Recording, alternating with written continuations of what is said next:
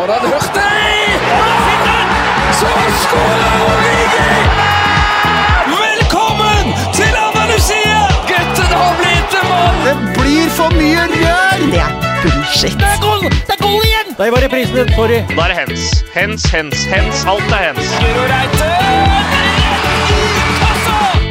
Da nærmer det seg eh, fotball-VM, og eh, i og med at Yao er den han er, og med de kontaktene han er, har, så er vi så heldige at i dag så har vi fått eh, besøk, ja, og det er ikke hvem som helst.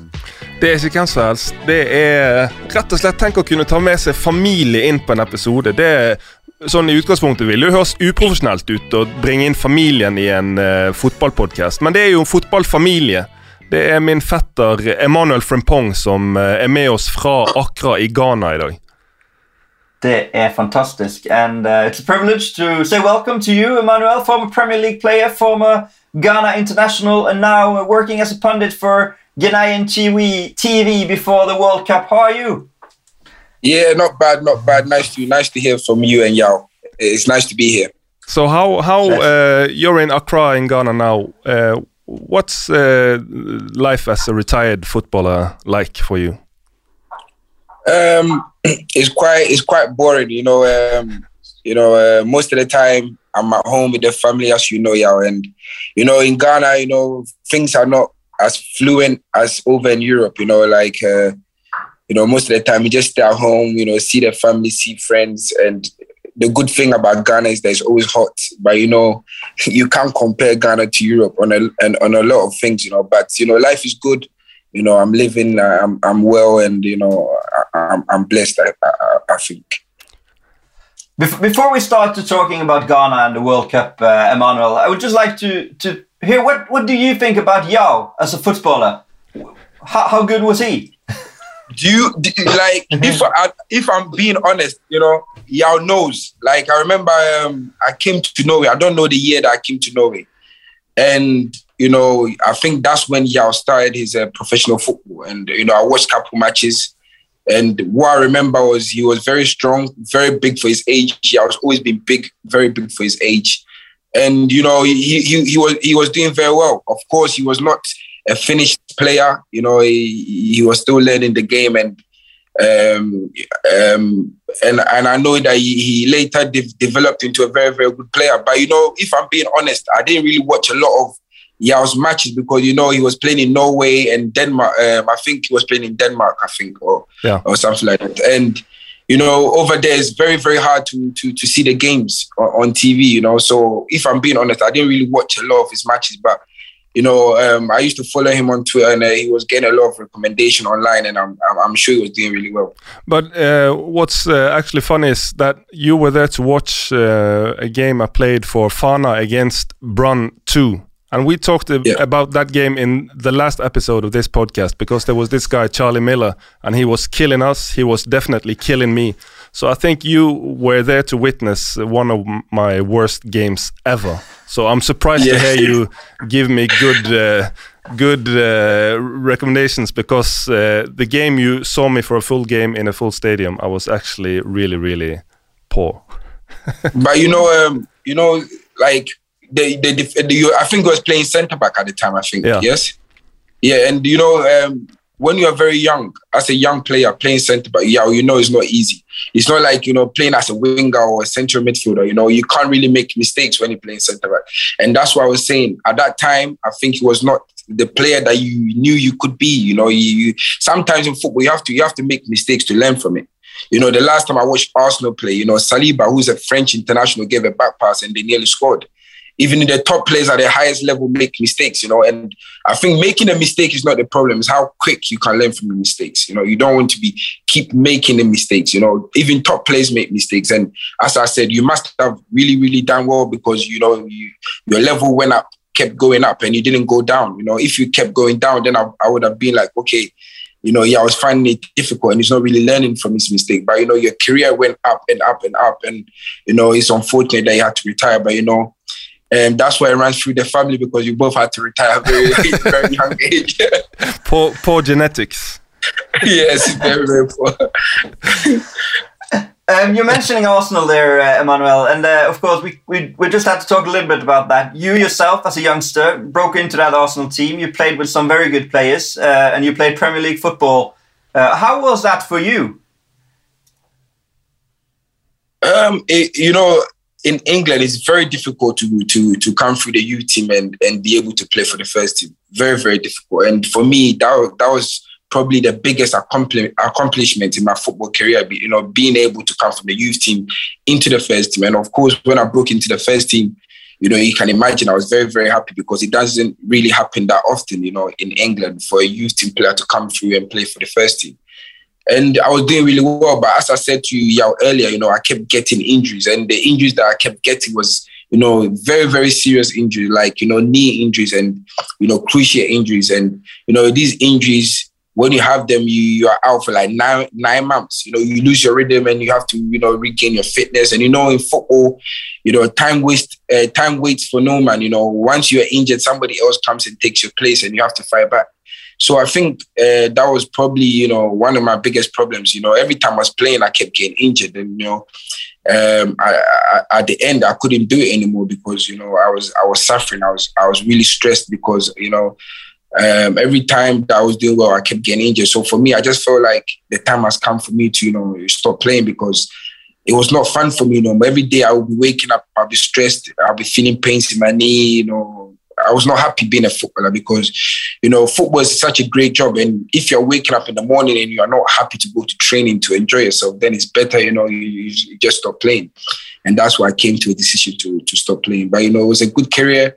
It was not a perfect career. You know, it could have gone much better than, you know, what I wanted it to be. But then again, not a lot of players get the chance to play for Arsenal and play with these great players. And, Absolutely not. And you uh, actually played with uh, Mikel Arteta. Yes. How? Uh, yes. Uh, what's your memories of him in dressing room as a player, and how do you see him now as doing great as uh, Arsenal head coach? Um, I remember Mikel's first game when he came to Arsenal. I think we we we played in midfield together. It was me, Mikel, and I think it was Aaron Ramsey. I think, and um, we played against Swansea, and we won one 0 I think Arshavin scored if I if I can remember. And you know, when Mikel came, you know, he was very quiet, very very professional, very very professional. That's one thing I used to remember about Mikel. You know, in the gym, I don't know, Yao. I don't know if you've ever had this kind of uh, teammates. You know, they are very serious. They are like managers in the dressing room. Yeah, you know? yeah. Like when you're young playing, you're doing something, they like they are never happy. They always look like they are serious. They take they take their job very very serious. You know, like and you know me, I'm I'm somebody that likes to have a laugh. And you know, when you go to the changing room or the gym and you see Arteta and he's very serious. And he, you know, sometimes I remember when I was young, I was very poor in the gym. Like, you know, my technique in doing some of the gym works. And he would come over and he would, he would show me. And, you know, at the time, being a young player, I was thinking, this guy's busy, you know, he's like a show off. Because honestly, that's what I was thinking at the time. I was thinking this guy is just a show off, like, you know, he's busy, he just wants to be involved in everything but it just shows you the type of person he was, you know, and you know, he's somebody that always wants to help other players. And it's not a surprise to me that he's become a manager because at the time, you know, every time we used to go out for training, you see him talking to Wenger, you know, talking about football and this kind of stuff. And at the time, I was very young and I never used to understand, I never understood why this guy was doing that. But, you know, it just shows you that, you know, that's why um, Pep Guardiola took him to Man City because, you know, he has very good knowledge about football. Do you think he can lead Arsenal to the title? Now, I saw earlier in the autumn you had a tweet that you were saying that it's, this could not uh, last for Arsenal, but now a month has gone. They have a little gap on the top of the Premier League before the World Cup. How do you see the, the end of the season? Um, I think with any Arsenal fan like myself, I think the, uh, the target is to get into the Champions League. I think it's going to be very difficult to win the Premier League with Man City. I think we've got no chance to win the Premier League, if I'm being honest, because Man City, at any moment in time, they can go unbeaten, you know, in the league. And um, with Arsenal, I still feel like they need a couple players you know, to, to, to come in and make the team even stronger. And I still feel like Man City as favourites. For me, I'll be very happy if Arsenal can get into the Champions League and then we can build on and challenge for, for the following season. I just feel like at this season, the squad that we have, we don't have enough players to challenge Man City at the moment. And can I say, you look, look like Haaland's dad. Maybe a cousin. Yes, it might be the cousin. You're enjoying the money, then you're enjoying the money. yeah, absolutely. um, you also mentioned uh, Aaron Ramsey there. Uh, you're working now as a pundit for the TV with the World Cup, and of course, you have many former teammates who are going to the World Cup. Uh, Ramsey, uh, Olivier Giroud, you played with him. Uh, the goalkeeper Szczęsny at at Poland. Um, Serge Gnabry, maybe? Did you play with him? Yes, yes, I Did played. you- Yeah, he- he's an example in himself. Do you ever see him becoming uh, what he has become now as a star for Germany? You know, you know, I think um, there's only one player since I started playing football. There's only one player that I knew, I knew they were going to be a star from the time I started playing football, and that was Jack Wilshere. With other players, you kind of knew they were good, but you know, in football, being good at a very young age doesn't mean you are going to be good in the future. So Serge was a very good player when he was young, but if you'd have asked me he was going to play for Germany and play for Bayern Munich, I would have told you said no chance. But then again, some players develop later on in their in their careers, and some some players also develop very very fast at the early age of their careers. So that's why you know you have to have a very good coach that can see this kind of qualities in some special players. And I think with Serge, at the time that he was at Arsenal, the competition was very very difficult for him at the time. You know they had you know some great players at the time at Arsenal, and you know I'm very happy for him because he's somebody that's been through a lot. You know because I remember when he was at Arsenal, he had to leave Germany he was living with his dad. His dad used to bring him to training every day, and and, and, and it's kind of difficult, you know, um, moving countries and, and and coming to play for a team like Arsenal. So Serge is doing really well. Aaron is doing very very well. Somebody also that struggled for the last couple of years. I think when he went to Juventus, it didn't work out for him, and now he's playing in Nice, and he's going to he's going to go to the World Cup, which I feel like Aaron deserves because Aaron as a person is such a such a such a good person, very, very down to earth, very, very polite person. And I'm very happy for him that he's, got the chance to play at the World Cup. And also Olivier is, is somebody that I've played with, you know, somebody that I know very, very well.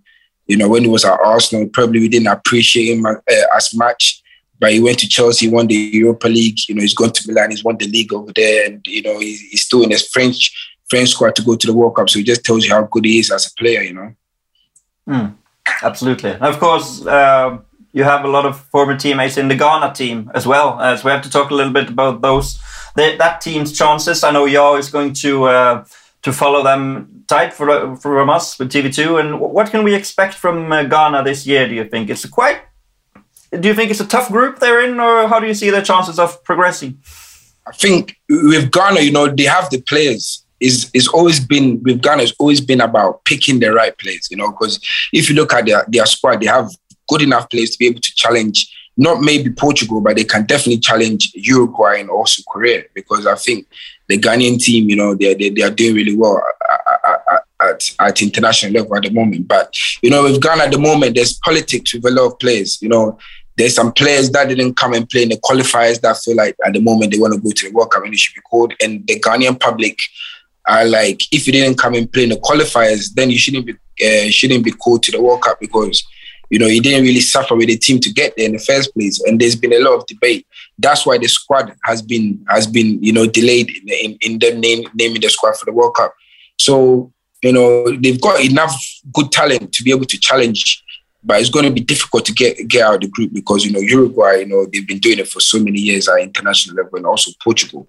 You have to be saying you have to say they are they are favourites to come out of the group. So you know, then again, you never know in football. Brentford went to Man City and beat Man City away, and you know that's sometimes that's that's what football is like. But I, I believe Ghana can finish second, definitely. But after what happened uh, between Ghana and Uruguay in the World Cup in uh, 2010 and uh, Luis Suarez' uh, famous handball, what's what's the feeling uh, in Ghana for Uruguay and especially maybe Luis Suarez? um, you know, it's always been bitter, you know, because we would have been the first African nation to get to the semi-final of the World Cup, and that would have been huge. It would have been historic. And you know, Suarez took took that chance away from us. But then again, you can't blame Suarez. He's, he's also fighting for his country. We would have done the same thing. It's part of football. But then we had the opportunity to score the penalty, and obviously Gyan missed. You know, so it's been it was very very painful. And yeah, you know, you come to Ghana sometimes, you know what Ghanaian the Ghanaian publics are like. They they will insult you, they will bring you down, they will shout you, and and do a lot of stuff. And you know, Asamoah Gyan went through went through a lot. eh, Um, to to be able to recover from that because the the insults and the kind of attention he was get, he was getting was very bad. But you know, this time the Ghanaian team is different. You know, we have a very young young squad. Most of the players are playing at a very very good level in Europe, and you know, I feel like this young team can really compete at this at this level. So you know, we have to we have to just wait and see because you know sometimes in football, you know, you get young players they go to the international uh, scene and you know sometimes they freeze, they can't really uh, you know perform because you know they are playing the World Cup. There's a lot of crowd, a lot of people watching them, and it can be difficult for them. But I still believe Ghana can finish second in the group. Yeah, you mentioned uh, we record this before the final squad is announced. So what we have now is a list of I think 55 players that has been assigned to FIFA. So we don't really know the squad yet. We, we know some names. Uh, Thomas Partey, big star at Arsenal, of course. Uh, the Ayew brothers are probably both in the final squad. Um, what can they offer? Uh, we know Jordan Ayew, of course, plays in the Premier League still, but Andre Ayew plays in Qatar now. Uh, is he still a big star in the team, or how do you see him, his role? I wouldn't say he's the star. He's not the star of the team, definitely not. Um, I just feel he's he's the he's the player with the most experience. He's the player that a lot of players uh, actually respect because you know he's playing in the World Cup. I think this is third World Cup maybe um, playing playing with Ghana, and he's somebody that's you know performed at a very high level for so many years. Obviously, he's playing in Qatar at the moment, and um, you know he's not as strong as a league as in Europe, but he's somebody that's really performed for Ghana um, at international level every time he's been called up. So it'll be very interesting to see if he's going if he's going to start for Ghana in the World Cup because we still we, we've also got some wingers that are very good in the team. But then again, you know uh, one thing about the Ghanaians is that they always like to give the senior players, you know, a chance to perform. You know, so I will not be surprised to see uh, Andre Ayew uh, starting in the in the first game for Ghana. But then again, Jordan also uh, playing really well for Crystal Palace. You know, he started off as a striker, but now he's playing as a as a winger, and um, it's interesting to see if he's going to play as a winger for Ghana in the World Cup or as, or as a striker. So all these things are very very interesting. We just have to wait and see. Uh, Emmanuel, here in here in Norway, there's a lot of focus on Qatar as a host nation and and their gross violations of human rights and um, how how is that debate in in Ghana and what's your opinion on Qatar as a host nation? Um, I think um, you know, nobody wants to be in that situation. You know, um, I was reading something about some people died trying to build a stadium or some stuff like that, and it's a horrible situation to be in. You know, um, you know, with the World Cup, with all these gay and lesbians, you know, having the opportunity to go to the World Cup, I think. Uh, we live in the in the world. Yeah, you know, like I grew up in the UK, and you know, in in England, it's normal to have gay people, lesbians. We all live together. Everybody's happy and that's how the English culture, you know, embraces that. In this world, everybody has the right to be themselves, as far as they're not doing nothing to to harm you or to to to um, uh, to, to, to, to disturb you. Everybody has the right to, to do whatever they want to do in their private life. But then again, not everybody thinks like that. So I feel like going to the World Cup, I think, you know, people just have to be careful because, you know, with the uh, with the Arabs, you know, their mentality when it comes to these kind of things are very very different. But then again, the World Cup shouldn't have been really been in Qatar because look, the players have have to stop midway through the season to go and play in the World Cup, and then after come and play in the leagues. I just think it's just mental, but it is what it is, and you know. Um, I hope I hope that you know when the World Cup comes, you know everything goes according to plan, and I just hope there's no incidents of anything bad over there. But you know, um, as, as I said, as I said again, my opinion is that everybody has the right to be themselves. Whether you're gay, whether you're straight, whether you're lesbian, I don't really care. You know, everybody has their own preferences. You know. Do you think there will be uh, a lot of fans from Ghana uh, in Qatar? I, I, I, went to Brazil myself. I saw Ghana against Germany, one of the uh, best games or best World Cup experiences I've had. The, there was so much joy, and the Ghanaians made so much uh, noise, and uh, it was very nice. Do you think there will be a lot of them uh, present in Qatar? Have, have, you have you done your research on uh, Ghanaian fans?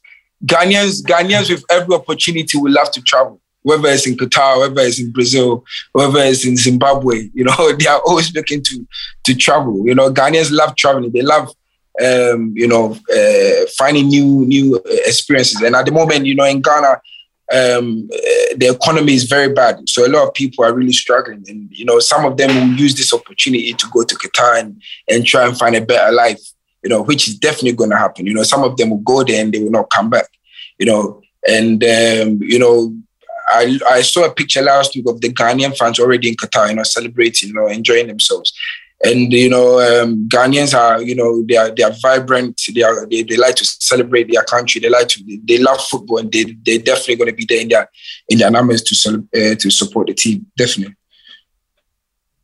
You would be going uh, as well, uh, Yao. You're going to be working from home, uh, Yao. Are you going to, to Qatar to work for the TV or staying in Ghana? No, we are we are going to be working in Ghana. We are we are going to be covering the World Cup in Ghana on, on the TV. So unfortunately, I will not be in Qatar. Okay.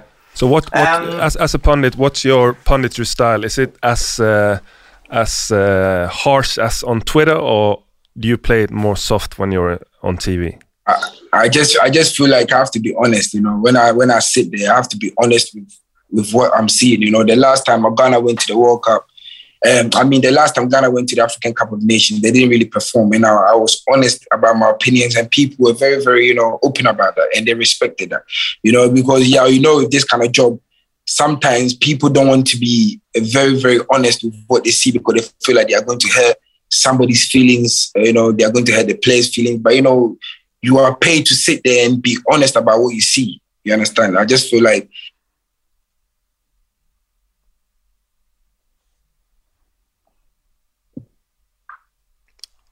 Oh. Sorry, oh. I had a, I had yeah. a power cut. I had a power cut. Sorry, yeah.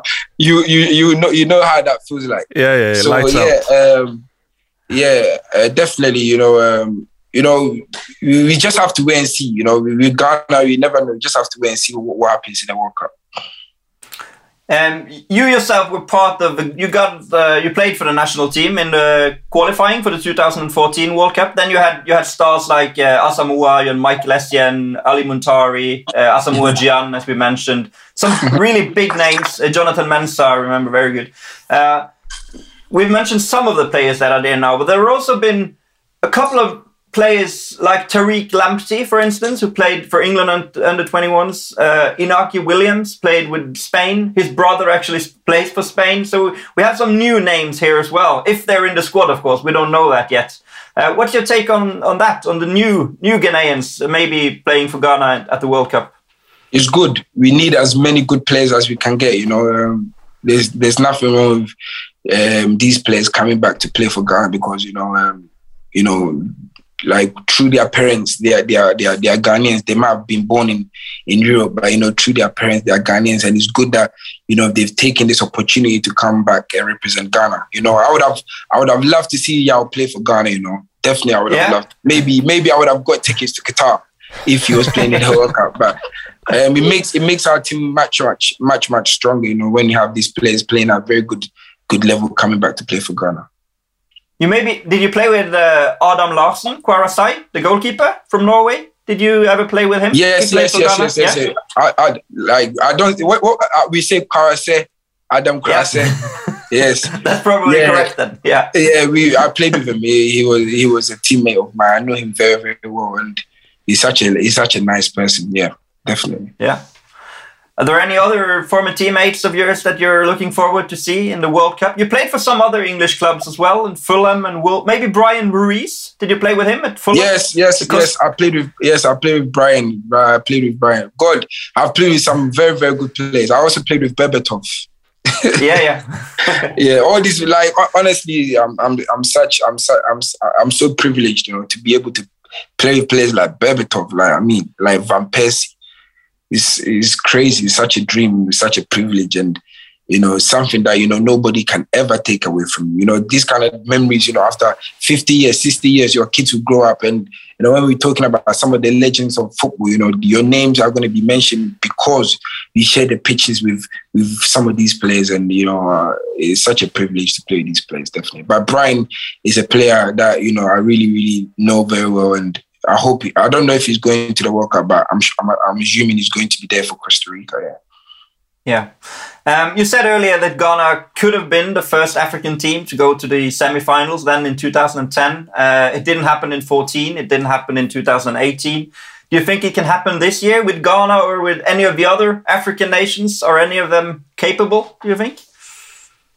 It's going to be difficult. I think um, Senegal is probably the strongest African country that we have, but then again, they have um, Sadio Mane injured, so it's going to be difficult for them. But you know, we, we, the African the African team is always going to be difficult when you're comparing them to the Europeans and also the South Americans. You know, because they have too much quality. But then again, you never know. You know, you just have to you just have to go there and believe. And uh, I'm sure Senegal, Senegal and Ghana are probably the strongest African countries going there at the moment. Yeah.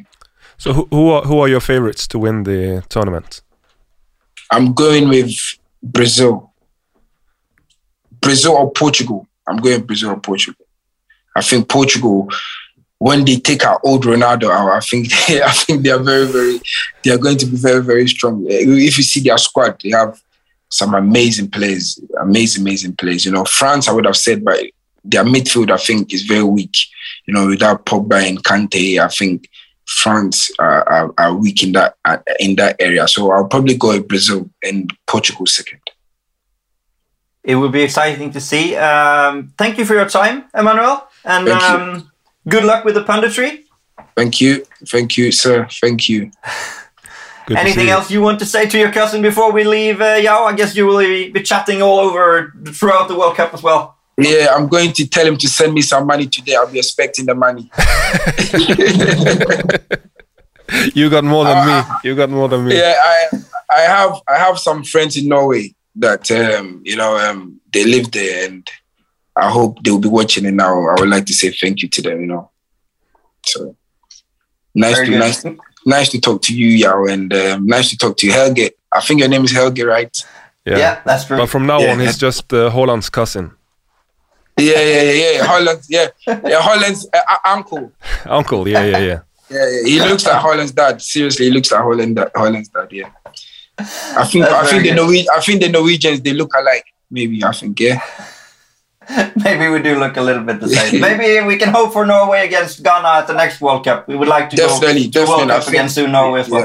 Yeah, definitely. I would, I, would, I would love to see that. I would love to see Martin Odegaard, you know, playing in the World Cup because I think he's, he's such a special player. And and what I've heard from the players is, that he's very down to earth and very polite. And I, you know, I have a, a lot of respect for players that that are very down to earth. So you know, Martin is doing really well for Arsenal, and I'm sure he's making a lot of Norwegians very proud. You know, now no, Norway Norway must be uh, top of the football chain because they have two fanta- fantastic players. I, I can't remember the last time Norway had uh, uh, uh, such a good player. I think since uh, John Carew, maybe, yeah, Yeah. or John Arne Riise. John, yes, Riise is also one of my former teammates. Yeah, so it's nice. Yeah, and Fulham, also, uh, yeah. yes, and also uh, Brede ha- ha- ha- Hangeland. Oh, I forgot. Yeah, he's And- uh, assistant coach in the national team now. Wow. He Brede was uh, uh, Brede was also it's not a surprise that he's gone into coaching because he was also similar to Arteta, very, very focused. He used to shout at me a lot when I went to Fulham on loan. He was never happy with me. Every time morning, he used to tell me I'm never serious. I'm never serious. So it's nice to see Brede also do really well in, in the coaching scene and I wish him all the best. So maybe you remember my face because we didn't spend a lot of time together. But maybe if you hear the name Frimpong, like, oh yeah, yeah, yeah. I remember from Yeah. So nice to nice to nice to see he's doing really well for himself. Very good. And very nice to talk to you, uh, Emmanuel. Thank and good you. luck with the World Cup for yourself Thank you, and for thank you, sir. Thank you, sir. Bye-bye. Thank you. Bye bye. Bye bye, y'all. Bye, Bye bye. bye bye. Så skåler Origi! Velkommen til Andalusia! Gutten har blitt en mann! Det blir for mye rør! Det er bullshit. Det er goal! Det er goal igjen! Der var reprisen din. Sorry. Da er det hens. Hens, hens, hens. Alt er hens. Guro Reite!